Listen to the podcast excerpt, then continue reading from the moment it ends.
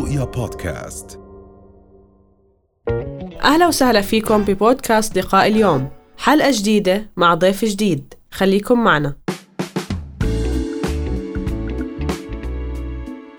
قبل ما نتحدث عن قانون العمل والمواد الخاصة فيما يتعلق بالمساواة بين الأجور شو بنقصد؟ إحنا بنقصد هون أنه نفس الجهد بنفس الكفاءة مع اختلاف الراتب أو العائد المادي.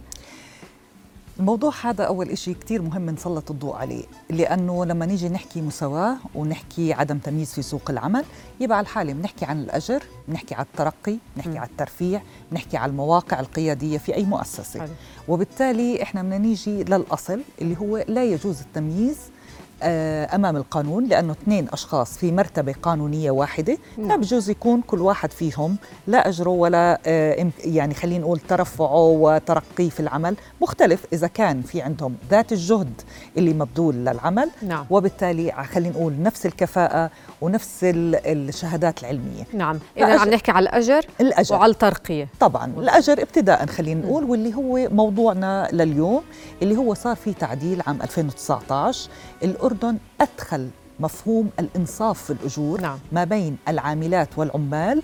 آه إنه يكون في عنا أجر متساوي عن العمل ذو القيمة المتساوية. نعم. وإنتم بتعرفوا الأجر حسب تعريف قانون العمل هو يشمل كل ما يتعلق في مفردات الراتب. يعني مش بس الراتب الأساسي إحنا بنحكي على أي امتيازات. بنحكي على أي علاوات تدخل بالثالث عشر رابع نعم. نعم. عشر كلها هاي تدخل في مفهوم الأجر واللي مصطلح المعروف عند الناس كلياتها اللي هو الأجر الإجمالي اللي بيدخل بحساب الضمان الاجتماعي نعم, نعم آه، طبعا بينقص منه شيء واحد العمل الإضافي لأنه ما بيدخل بمفردات الأجر فهذا الأجر اللي بياخده الرجل الموظف العامل إذا كانت العاملة هي الموظفة تشتغل نفس طبيعة الشغل. نعم. وبتشتغل وعندها نفس الإمكانيات خلينا نقول أو نفس الكفاءة أو نفس الشهادة ونفس ال- الوصف الوظيفي يجب أن يكون أجرهم متساوي لأنه عملهم متساوي. نعم. أستاذ ما الذي يحكم؟ يعني نحن مثلا بما أنه الأجر رح يكون يعني فوق الحد الأدنى لل- للأجور ما الذي يحكم؟ يعني لازم لما نحكي عن نحن عن شركة قانونية تكون شركة أو مؤسسة مسجلة مثلا في وزارة الصناعة والتجارة مسجلة في الضمان الاجتماعي مسجلة في تمام. الضريبة بتورد يعني رواتبها للضمان الاجتماعي. فإذا اجى أنا عندي في المقابلة عندي شخص شاب مثلا أنا دفعت له 500 دينار راتب مثلا وإجت فتاة عينتها بنفس ال- ال- الموقع دفعت لها 400 بما إنه هو فوق. الحد الأدنى لل- للأجور. شو اللي بده يحكم؟ يعني شو الفارق القانوني يعني؟ نحكي شغلة. الحد الأدنى للأجور هذا الحد الأدنى للأجور لجميع الأشخاص في المملكة العاملين. نعم. سواء كان في شركة سواء كان بيشتغل في أي موقع. لأنه أنت بتعرف العامل عامل ورب نعم. العمل سواء نعم. كان سؤالي ما الذي يحكم؟ شركة أو بما كان انه أنا فوق الحد الأدنى آه للأجور. أي أي شغل. يعني حتى لو الحد الأدنى للأجور هي ال- المسألة اللي بتحكمها إنه يكون العمل ده نفس الطبيعة مم. نفس طبيعة العمل. على سبيل المثال لنقول أنا شغلت آه أو خلينا نقول آه محاسب ومحاسبة بذات الوظيفة ذات المؤهلات ذات الكفاءة نفس طبيعة العمل.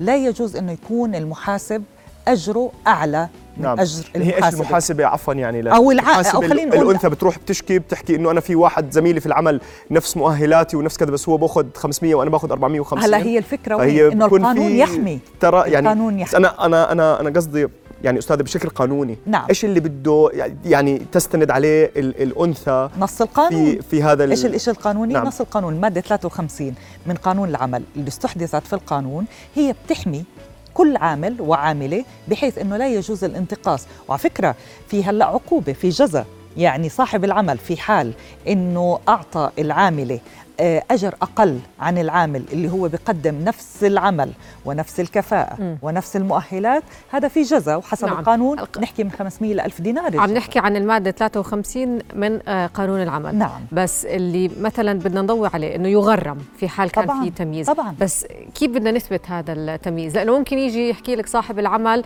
آه، ما آه، ساعات الموظف الآخر أو الشخص الآخر أطول طبيعة العمل أصعب صحيح. كيف بدنا يعني بكل نثبته لأنه ال C V تبعته مثلا عنده سنوات خبرة مثلا سنه خبرة زيادة. أنا قدرت بدي اعطيه بتختلف 100 له. دينار مثلا. هلا خلينا نحكي. إحنا في أغلب الشركات خلينا نحكي على الشركات الكبرى عمالها بيكون في وصف وظيفي للعامل للموظف صحيح؟ okay. نعم. الوصف الوظيفي ببين شو الجهد اللي هو يبذله مم. شو طبيعة العمل. إذا كان خلينا نقول في إدارة. مهم. أوكي؟ آه، في وصف وظيفي لكل الموظفين في مر... في درجة معينة. وبالتالي هذا معناته ببين شو هو الجهد وشو هي طبيعة العمل. نعم. إذا كانت الأجور مختلفة يبقى على الحالة هاي أنا في عندي خلل. هلأ مين بيراقب آه. مين بيراقب على هذا الأمور. اللي بيراقب على هذا الأمر هو وزارة العمل وهي التفتيش اللي نعم. موجود في وزارة العمل وفي حال إنه تحركت أي شكوى لها علاقة في هذا الموضوع من واجب ومن حق وزارة العمل أن تتدخل وأن تحقق في هذا الموضوع طيب آه نور بدي أسألك بالنسبة مثلا لأنه عم نحكي عن الدور الرقابي اللجنة الأردنية للإنصاف بالأجور بالأجور. مشترك فيها مؤسسات الدولة الحقوقية صحيح، والرقابيه صحيح.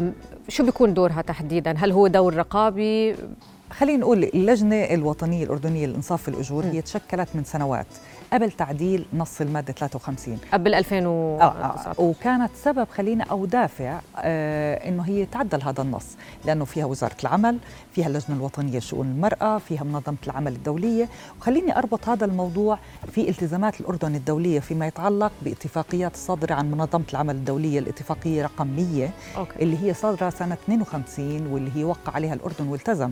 وإحنا أكثر من مرة حكينا صحيح. إنه الاتفاقيات الدولية تلزم تلزم الأردن وبالتالي هي أصبحت في مرتبة خلينا نقول القانون. نعم. ولكن الأردن لم يكتفي في هذا الأمر وإنما عدل قانونه بحيث إنه هو يلتزم في قانون العمل.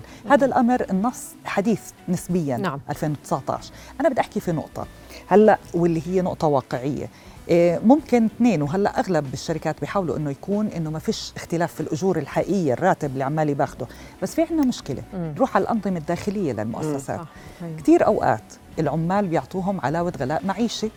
ما بيعطوا الموظفين الرجال بينما لا تمنح المرأة علاوة غلاء معيشي مم. طب هاي تدخل بمفردات الراتب. نعم بس عفوا أستاذ النظام الداخلي لازم يكون مصدق من وزارة العمل. أكيد 100% هو اي وكل أي مؤسسة شيء حسب. داخل النظام الداخلي هي بتكون وزارة العمل موافقة عليه أصلا. خلينا نحكي في شغلة.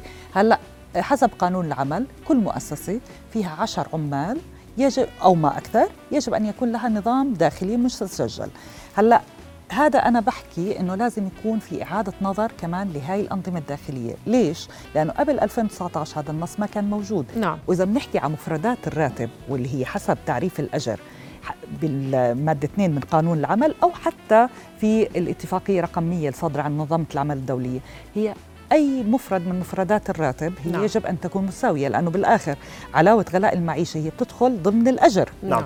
صحيح وبالتالي إذا كانت حرمت منه المرأة يبقى الحاله هاي هذا الأجر أصبح غير متساوي لزميلها اللي هو في ذات العمل أثبتنا إنه هو ونفس بقدم طبيعة نفس الجهد ونفس والجهد. طبيعة الجهد فبالتالي هاي مفردات الراتب إذا اختلفت هذا معناته أصبح الأجر غير متساوي. يبقى الحالة هاي إحنا بنحكي إنه الأنظمة الداخلية لهذه الشركات يجب أن تعدل بحيث إنه تصبح آه، ملائمة ومتوائمة مع نص المادة 53 نعم. من قانون العمل طب في حال آه، بتقدم نفس الجهد آه، لكن في نوع من عدم المساواة سواء في الترقية أو في الأجور وعشان نكون صريحين إحنا بنخاف على شغلنا. يعني بالآخر بنخاف مرات نحكي لأنه بي- ببساطة بيفصلني من شغلي إذا أنا اعترضت. شو بننصح السيدات اليوم اللي عم بيسمعونا؟ وفي بالفعل مؤسستهم عم بيعانوا من عدم مساواة. خلينا. نحكي في الأول كإطار قانوني. القانون يحمي العامل أو العاملة في حال إنه هو تقدم في شكوى لها علاقة في أجوره. مم. يعني ما بجوز فصل العامل في مثل هاي الحالة. في حماية له مم. ولكن إحنا بنعرف للأسف واقعنا الاقتصادي. وكثير من الناس بيضطروا إنهم يسكتوا بالضبط عشان حفاظا على رزقتهم. هلأ آه لا يسمع لساكت قول مم. ولكن بذات الوقت إحنا دائما بنتامل من الجهات الرقابية إنه يكون في عندها عملية تفتيش ومراقبة ومساءله لهذه الأمور، يعني بدي أحكي لك في مثل وبجوز اللي أثار موضوع الإنصاف في الأجور في الأردن أكثر شيء المعلمات في القطاع الخاص صحيح. واختلاف الأجور اللي كان بين. ما بين المعلمين والمعلمات أدى هذا الأمور الأمر لضغط من كافة الجهات حتى وزارة العمل واللجنة الوطنية لإنصاف الأجور اللي هي خلت أنه نقابة العاملين في المعلمات والمعلمين في نعم. القطاع الخاص آه، اشتغلوا على شيء اسمه اتفاقية عمل جماعية بحيث أنه يكون في حماية اتفاقية العمل الجماعية بتحمي كمان العمال والعاملات في أي قطاع نعم. بحيث أنه لا يجوز أنه يكون في أي شكل من أشكال انتهاك لهذه الحقوق هلأ في جهات رقابية عديدة في عنا جهات هي تحمي القانون حط هذه المادة للحماية العامة لكن يلزم كمان أنه إحنا ما يكون في عندنا سكوت وإحنا بنتأمل كمان في كافة المؤسسات الخاصة إنه هي تحمي العمال والعاملات بالآخر نعم. أي مؤسسة هي محتاجة للموظفين اللي عندها نعم هي بالنسبة مش لل- بحاجة إنه للانصاف عفوا. أستاذة نحن بنتكلم بس عن ال عن ال الرجال والسيدات ولا أيضا ال- الإنصاف في نفس الجنس بين الذكور والذكور والإناث والإناث شكرا كثير لهذا السؤال هلا الاتفاقية الدولية تا- الماده 100 هي تتحدث عن الجميع. لكن التعديل اللي تم عام 2019 هو تحدث عن إنه لا يجوز أن يكون هناك اختلاف بأجور النساء والرجال يعني العاملين والعاملات الموظفين والموظفات في ذات ال- المكان يعني هي درجة العمل هي عمل موضوع والأجر. تفرقة جنسيه ولا مساواة؟ هي آه، خلينا نحكي لا هي حماية أكثر لأنه فجوة الأجور فعليا حسب الدراسات. نعم. فجوة الأجور ما بين العاملات والعمال هي واسعة وتتسع. خليني أحكي لك على إذا مؤشر يكون موضوع على- يعني مساواة إنسانية نعم. فهو اللي يجب الجميع يعني يكونوا في نفس ال مزبوط طبعا في 100% نفس الفكرة. وبنقدر نستند فيها للاتفاقية كاملة وبنقدر نعم. نستند فيها كمان إنه لذات قانون العمل للدستور الأردني اللي نعم. دائما بنستشهد فيه إنه المادة 100 لا يجوز جميع الأردنيين أمام القانون سواء. بس بدي أحكي بشغلة مؤشرات. مؤشر له علاقة بفجوة الأجور. نعم. آه، عالميا فجوة الأجور. خلينا نحكي ما بين النساء والرجال في العمل هي 20% في الأردن إحنا زيادة بلس 7 مم. يعني 27% هذا حسب تقرير من منظمة العمل الدولية. نعم. فبالتالي عندنا مشكلة وبحاجه إنه نردم هاي الفجوة. ردم هاي الفجوة بتم من خلال هذا أول شيء عمله الأردن وهو من أول أوائل الدول العربية اللي عملت هذا الأمر. إنه النص القانوني يحمي بعد هيك إحنا بحاجة تطبيق. للأدوات والآليات الرقابية بحاجة لالتزام أصحاب العمل كمان في هذا الأمر للحفاظ على العاملات والعمال اللي هو انمهره ليش اخسر عامل جيد عشان نعم. إنه أجره وهي كويس. النوعية كمان من التوعية أنت صحيح. وأنت من حقك كموظف لما تحس في انتهاك من حقوقك إذا حكيت عنها وعندك قانون تستند له تشريع المفروض حتى صاحب العمل ما تخاف منه طبعاً. صحيح بالآخر إحنا دولة آه، قانون, قانون. ومؤسسات صحيح 100% كلمة أخيرة تفضلي. كلمة أخيرة أنا بتمنى أنه آه، بالآخر نصل لبيئة عمل تحمي جميع العمال والعاملات لأنه بالآخر آه، بيئة العمل إذا كانت جيدة معناته في استثمار جيد معناته في عندي استقرار اجتماعي معناته في عدالة اجتماعية وهذا ما ننشده للأردن ككل. نعم. شكرا لك. شكرا جزيلا آه، استاذه الله يعطيك ألف عافية. شكرا لك. رؤيا بودكاست.